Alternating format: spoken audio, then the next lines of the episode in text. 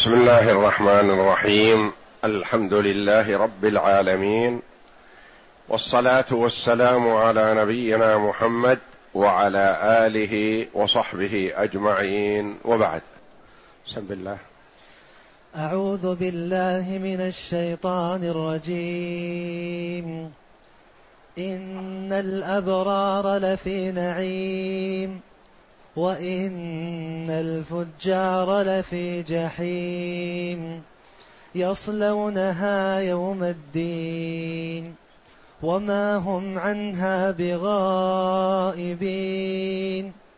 وما أدراك ما يوم الدين ثم ما أدراك ما يوم الدين يوم لا تملك نفس لنفس شيئا والأمر يومئذ لله.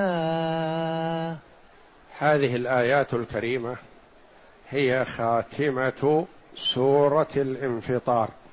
جاءت بعد قوله جل وعلا كلا بل تكذبون بالدين وإن عليكم لحافظين.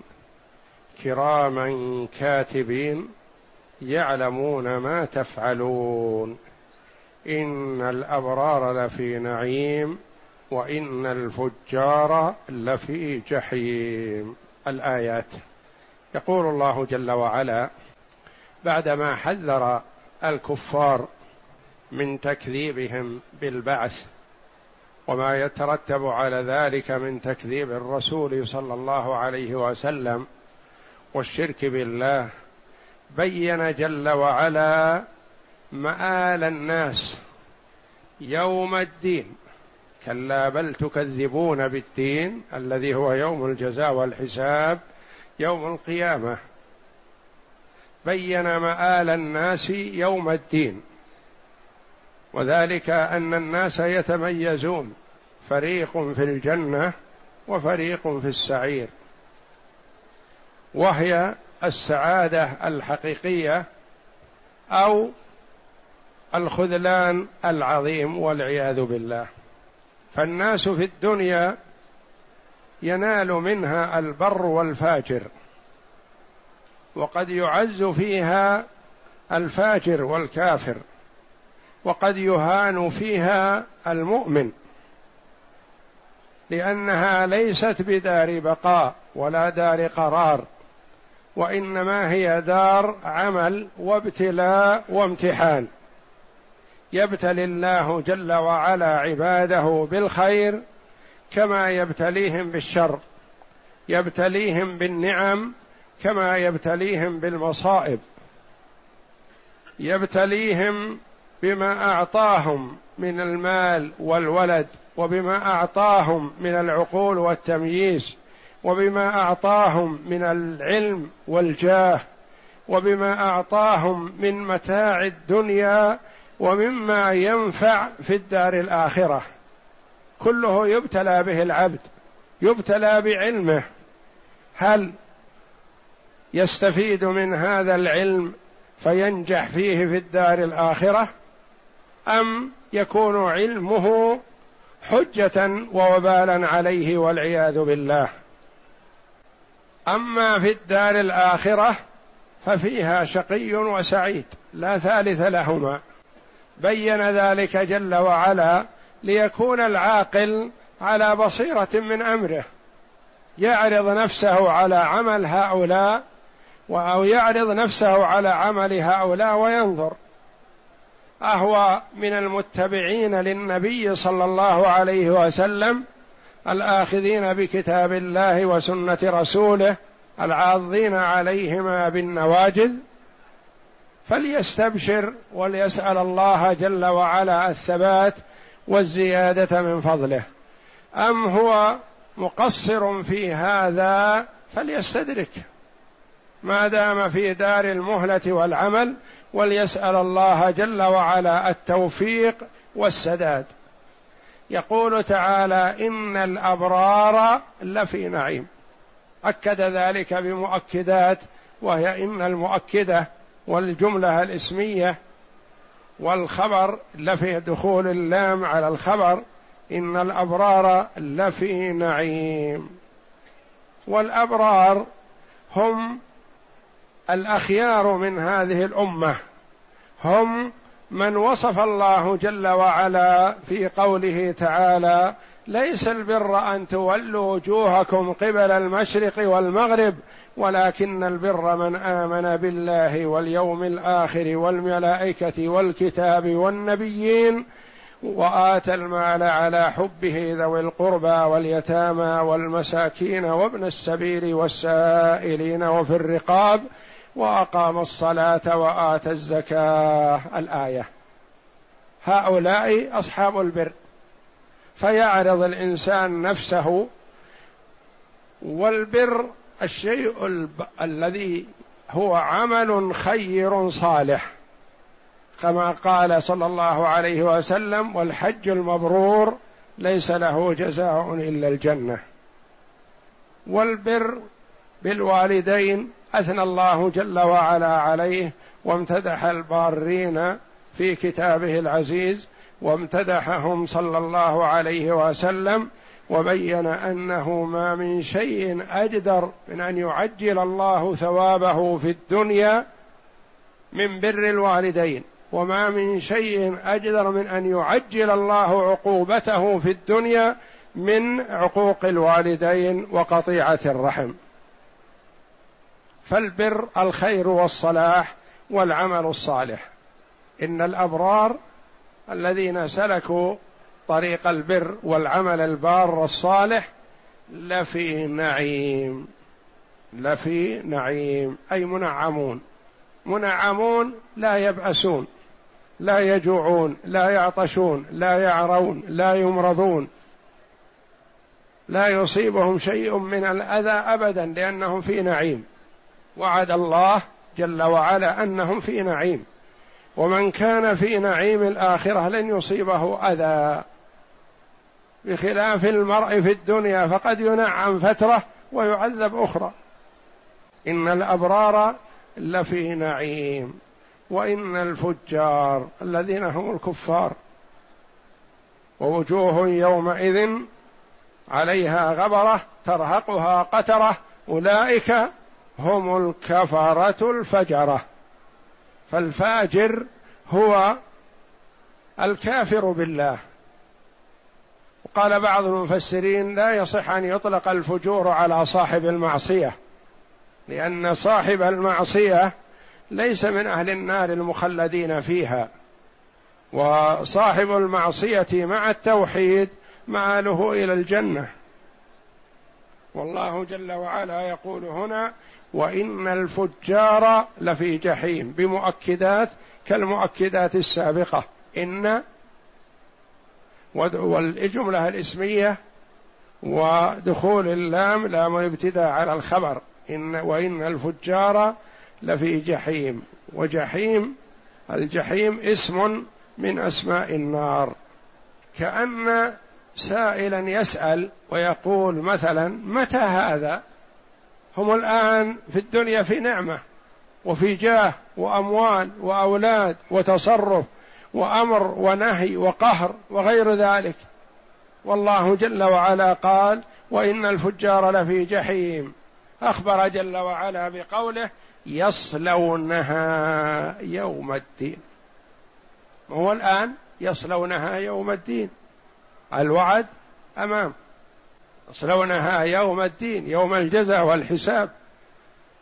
في الدنيا دار امتحان ودار آه، ابتلاء للعباد وقد يبتلى بها البر والفاجر وقد ينال منها الفاجر الشيء الكثير. ولو كانت الدنيا تزن عند الله جناح بعوضة ما سقى كافرا منها شربة ماء. لكن الله جل وعلا يعطي الدنيا من يحب ومن لا يحب. يصلونها يوم الدين يوم الجزاء والحساب. يصلونها وفيها ما قال جل وعلا يدخلونها أو يلجونها قال يصلونها. والصلي معروف هو عرض ما يراد آه، شوية بالنار على النار. يعني تقليبه وتأتيه النار من جميع جهاته وليس من جهة واحدة. يصلونها يوم الدين. وما هم عنها بغائبين. بعض كفار قريش قالوا فيما بينهم إن محمد يتوعدنا بالنار وأخبرنا أن عليها تسعة عشر ملائكة النار تسعة عشر. يقول واحد منهم أنا أكفيكم عشرة ألا تكفوني اثنين؟ ونضربهم يمينا وشمالا ونخرج من النار التي يتوعدنا بها محمد. والآخر يقول أنا أكفيكم سبعة عشر لأنه أعطي قوة وشدة. أكفيكم سبعة عشر. ألا تكفوني اثنين يا, كف يا قريش؟ قالوا بلى. إذا كفيتنا سبعة عشر الاثنين خلهم لنا. الجهل عليها ملائكة غلاظ شداد لا يعصون الله ما أمرهم ويفعلون ما يؤمرون. حبب إليهم تعذيب الفجرة من بني آدم كما حبب لبني آدم الطعام والشراب. وملائكة ما يقاس قدرتهم وقوتهم. ما دام جبريل على نبينا وعليه أفضل الصلاة والسلام اقتلع قرى قوم لوط بطرف جناحه من تخوم الأرض السفلى ورفعها إلى أن أوصلها إلى قرب السماء. سمع أهل السماء صياح ديكتهم ونباح كلابهم ثم قلبها. مجموعة قرى مدن ملأى اقتلعها بطرف جناحه. قال الله جل وعلا وما هم عنها بغائبين. يعني ما يستطيعون الخلاص منها. ولا يستطيعون الاختفاء ولا يستطيعون الهروب. يصلونها في ذلك اليوم ولا يستطيعون الخلاص منها لأن الملائكة تسوقهم رغم عنوفهم وما هم عنها بغائبين. ثم إن الله جل وعلا بين هذا اليوم وأنه يوم عظيم يشيب فيه الولدان. يوم يفر المرء من أخيه. وأمه وأبيه وصاحبته وبنيه لكل امرئ منهم يومئذ شأن يغنيه. ما أحد يلوي على أحد ولذلك اليوم مواقف عظيمة متعددة. يوم في أوقات يتعارفون ويتحدثون وأوقات يفر كل واحد ممن يعرفه وأوقات يذهل كل إنسان عن الآخر وأوقات يكون المرء مسرورا يرفع صحيفته بيمينه ويقول هاؤم اقرأوا كتابية. فيه الخير. فيه الإيمان بالله والأعمال الصالحة مسطرة يسر بها ويفرح. هاؤم اقرأوا كتابية. إني ظننت أني ملاق حسابية. يعني موقن بالبعث. هذا عمل لل... لوجه الله جل وعلا والدار الآخرة فهو موقن بالبعث فوجد الأعمال فعمل الأعمال الصالحة فوجدها في صحيفته. فيعظم الله جل وعلا ذلك اليوم فيقول وما أدراك ما يوم الدين؟ يوم عظيم. ثم ما أدراك ما يوم الدين؟ يوم عظيم. هذا كله لتهويل ذلك اليوم وتعظيمه. والله جل وعلا يهول ذلك اليوم للعباد ليعملوا لأجله. ليكون المرء على بصيرة أن الأمر هائل وأن الأمر صعب. أيحسب الإنسان أن يترك سدى؟ وكما نوه عن يوم الدين بآيات كثيرة من كتابه بالتكرير مثل قوله جل وعلا القارعة ما القارعة وما أدراك ما القارعة. ثلاث مرات. القارعة. ما القارعة وما أدراك ما القارعة؟ وقال تعالى الحاقة ما الحاقة وما أدراك ما الحاقة هو يوم عظيم. ومن نجا في ذلك اليوم سعد السعادة الأبدية. وما أدراك ما يوم الدين ثم ما أدراك ما يوم الدين. ذلك يوم عظيم. يوم لا تملك نفس لنفس شيئا. في الدنيا تأتي لأبيك وتستفزعه في أمر من الأمور فيفزع لك. تأتي لأخيك تأتي لجارك تأتي لمعلمك تأتي لصديقك. تطلب الشفاعة من هذا فيشفع لك. تطلب النفع من هذا فينفعك. تطلب القرض من هذا فيقرضك. تطلب العطاء من هذا فيعطيك لأن الله جعل للعباد في الدنيا شيئا. وسلبهم ذلك في الدار الآخرة فلم يجعل لهم من الأمر شيء. والأمر يومئذ لله وحده. قد يقول قائل أليس هناك شفعاء؟ أليس النبي صلى الله عليه وسلم يشفع؟ أليس الأفراط يشفعون؟ أليس العلماء يشفعون؟ أليس الصالحون يشفعون؟ يقال بلى لكن ما يملكون الشفاعة مباشرة ولا تطلب منهم مباشرة وإنما الله جل وعلا يأذن للشافع في أن يشفع في من رضي الله قوله وعمله. رضي الله قوله وعمله يعني موحد. لأن الكافر ليس له نصيب في الشفاعة. الموحد يأذن الله جل وعلا في أن يشفع له الشفعاء لأن الموحد يكون واقع في شيء من المحرمات تارك لشيء من الواجبات فيأذن جل وعلا في الشفاعة لمن رضي قوله وعمله. في الدنيا يأتي الشفيع مباشرة يدخل على الأمير يدخل على القاضي يدخل على من يريد الشفاعة عنده مباشرة. ويطلب منه ما يريد ويذكر له ما يريد من تفضيل أو عطاء أو منع أو آه، تخفيف عقوبة أو نحو ذلك. لكن في الدار الآخرة ما أحد يشفع إلا بإذن الله. ولا يشفع المرء مباشرة إلا بعد أن يأذن الله ويكون المشفوع له قد رضي الله قوله وعمله يعني موحد. ولا ما يخلو من معصية. والنبي صلى الله عليه وسلم قال شفاعتي لأهل الكبائر من أمتي. ومن مات على التوحيد له نصيب من الشفاعة لأن الله جل وعلا يأذن للشفعاء في أن يشفعوا. وعلينا أن نعلم أننا لا نطلب الشفاعة من المخلوق أبدا في أمور الآخرة. ما يصح أن نأتي إلى النبي صلى الله عليه وسلم ونقول اشفع لنا يا رسول الله. لا. ولا أن نطلب من الصالحين الشفاعة ولا أن نطلب من الأولياء الشفاعة ولا أن نطلب من الأفراط.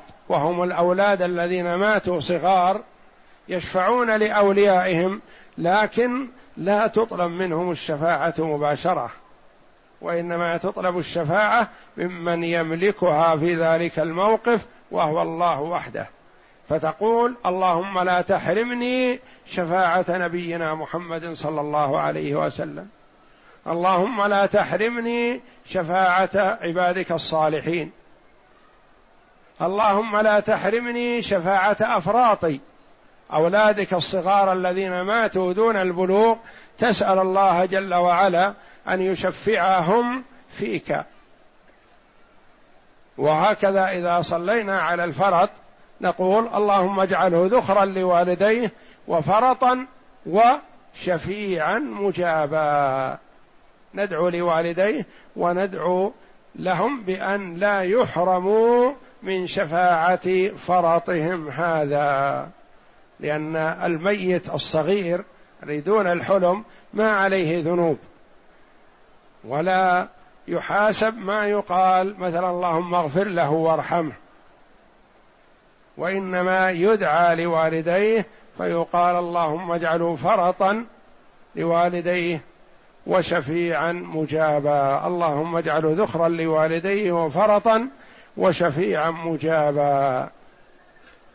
والمؤمن يسأل الله جل وعلا الشفاعة ولا يسألها من النبي صلى الله عليه وسلم ولا من الصالحين ولا من العلماء ولا من الأولياء ولا من الصحابة رضي الله عنهم ولا من أي مخلوق وإنما هي تسأل من الله جل وعلا. يوم لا تملك نفس. أي نفس؟ تنكير. أي نفس؟ محمد صلى الله عليه وسلم أفضل الخلق يقول عليه الصلاة والسلام بعدما دعا بطون قريش وعمم وخصص يا بني هاشم يا عباس بن عبد المطلب يا فاطمة بنت محمد سليني من مالي ما شئت لا أغني عنك من الله شيئا. ودعا بطون بني بطون قريش وقال أنقذوا أنفسكم لا أغني عنكم من الله شيئا. ما يصح أن يتكل الواحد منهم يقول الرسول يشفع لي. الرسول ما نفع عمه أبا طالب ولا عمه أبا لهب. ما نفعهم لما ماتوا على الكفر إلا ما جاء من تخفيف العذاب عن أبي طالب لعنايته بالنبي صلى الله عليه وسلم وهو في النار. يا فاطمة بنت محمد سليني من مالي ما شئت يعني في أمر الدنيا أعطيك. لا أغني عنك من الله شيئا. يوم لا تملك نفس لنفس. فهذا فيه تنبيه لمن يتعلقون بالقرابات. أو يتعلقون بالأولياء أو يتعلقون بالشهداء أو يتعلقون بالصالحين ويظنون أنهم ينفعونهم. لا والله إلا بعد إذن الله جل وعلا لهم. فهم لا يملكون الشفاعة مباشرة وإنما الله جل وعلا يعطيهم ذلك ويأذن لهم في أن يشفعوا لمن شاء ولا يشفعون لكل أحد. ما يشفعون لآبائهم الكفار ولا لأمهاتهم الكفار وإنما يشفعون لمن رضي الله قوله وعمله ولا يشفعون إلا لمن ارتضى. يوم لا تملك نفس لنفس شيئا أي شيء. ما حد يملك يزيد في حسنات امرئ أو يخفف من سيئاته أو يتحمل عنه شيئا ابدا. كل واحد مسؤول عن نفسه ولا ينفعه والد ولا مولود. يا أيها الناس اتقوا ربكم واخشوا يوما لا يجزي والد عن ولده ولا مولود هو جاز عن والده شيئا. إن وعد الله حق. فلا تغرنكم الحياة الدنيا ولا يغرنكم بالله الغرور. يوم لا تملك نفس لنفس شيئا والأمر يومئذ يومئذ المراد بيومئذ يوم القيامة. الأمر لله وحده. في الدنيا أعطى الله جل وعلا من شاء من عباده أمرا ونهيا وعطاء وحرمان وغير ذلك من أمور الدنيا التي يتصرفون فيها. لكن الأمر في ذلك اليوم لله وحده ينفرد بذلك جل وعلا دون من سواه. فلا يجوز التعلق بأي مخلوق كائنا من كان من أجل أن ينفع في ذلك اليوم لا وإنما يتعلق المرء بالله وحده ويتقرب إلى الله جل وعلا بتوحيده. فالمرء إذا وحد الله جل وعلا سعد وإن قل عمله. وإذا خلا من التوحيد والعياذ بالله هلك وإن أتى بما أتى به من الأعمال. كما قال الله جل وعلا وقدمنا إلى ما عملوا من عمل فجعلناه هباء منثورا. أعمال ظاهرها الصلاح لكن لم تكن خالصة لوجه الله ما نفعت. أو معها الكفر والشرك. إن الله لا يغفر أن يشرك به ويغفر ما دون ذلك لمن يشاء. يخبر تعالى عما يصير الأبرار إليه من النعيم. وهو الذي أعطى الله عز وجل ولم يقابلوه بالمعاصي. وقد روى ابن عساكر عن ابن عمر عن النبي صلى الله عليه وسلم قال إنما سماهم الله الأبرار لأنهم بروا الآباء والأبناء ثم ذكر ما يصير إليه الفجار من الجحيم والعذاب المقيم. ولهذا قال تعالى يصلونها يوم الدين أي يوم الحساب والجزاء والقيامة. وما هم عنها بغائبين. لا يغيبون عن العذاب ساعة واحدة ولا يخفف عنهم من عذابها ولا يجابون إلى ما يسألون من الموت أو الراحة ولو يوما واحدا. وما أدراك ما يصلونها فيها قراءتان يصلونها بالتخفيف ويصلونها بالتشديد والبناء للمجهول البناء لنائب الفاعل. وما أدراك ما يوم الدين تعظيم لشأن يوم القيامة. ثم أكده بقوله تعالى ثم ما أدراك ما يوم الدين. ثم فسره بقوله يوم لا تملك نفس لنفس شيئا. أي لا يقدر أحد على نفع أحد ولا خلاصه مما هو فيه إلا أن يأذن الله لمن يشاء ويرضى. ونذكرها هنا حديث يا قال تعالى من ذا الذي يشفع عنده إلا بإذنه؟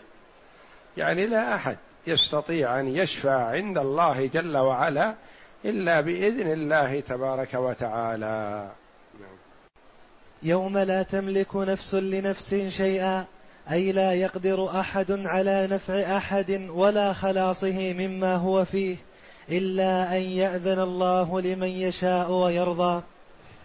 ونذكرها هنا حديث يا بني هاشم أنقذوا أنفسكم من النار لا أملك لكم من الله شيئا. وقد تقدم في آخر سورة الشعراء ولهذا قال والأمر يومئذ لله كقوله تعالى لمن الملك اليوم لله الواحد القهار وكقوله الملك يومئذ الحق للرحمن وكقوله ملك مالك يوم الدين قال قتادة يوم لا تملك نفس لنفس شيئا والأمر يومئذ لله والأمر والله اليومئذ لله ولكنه لا ينازعه فيه يومئذ أحد. والله أعلم وصلى الله وسلم وبارك على عبده ورسول نبينا محمد وعلى آله وصحبه أجمعين.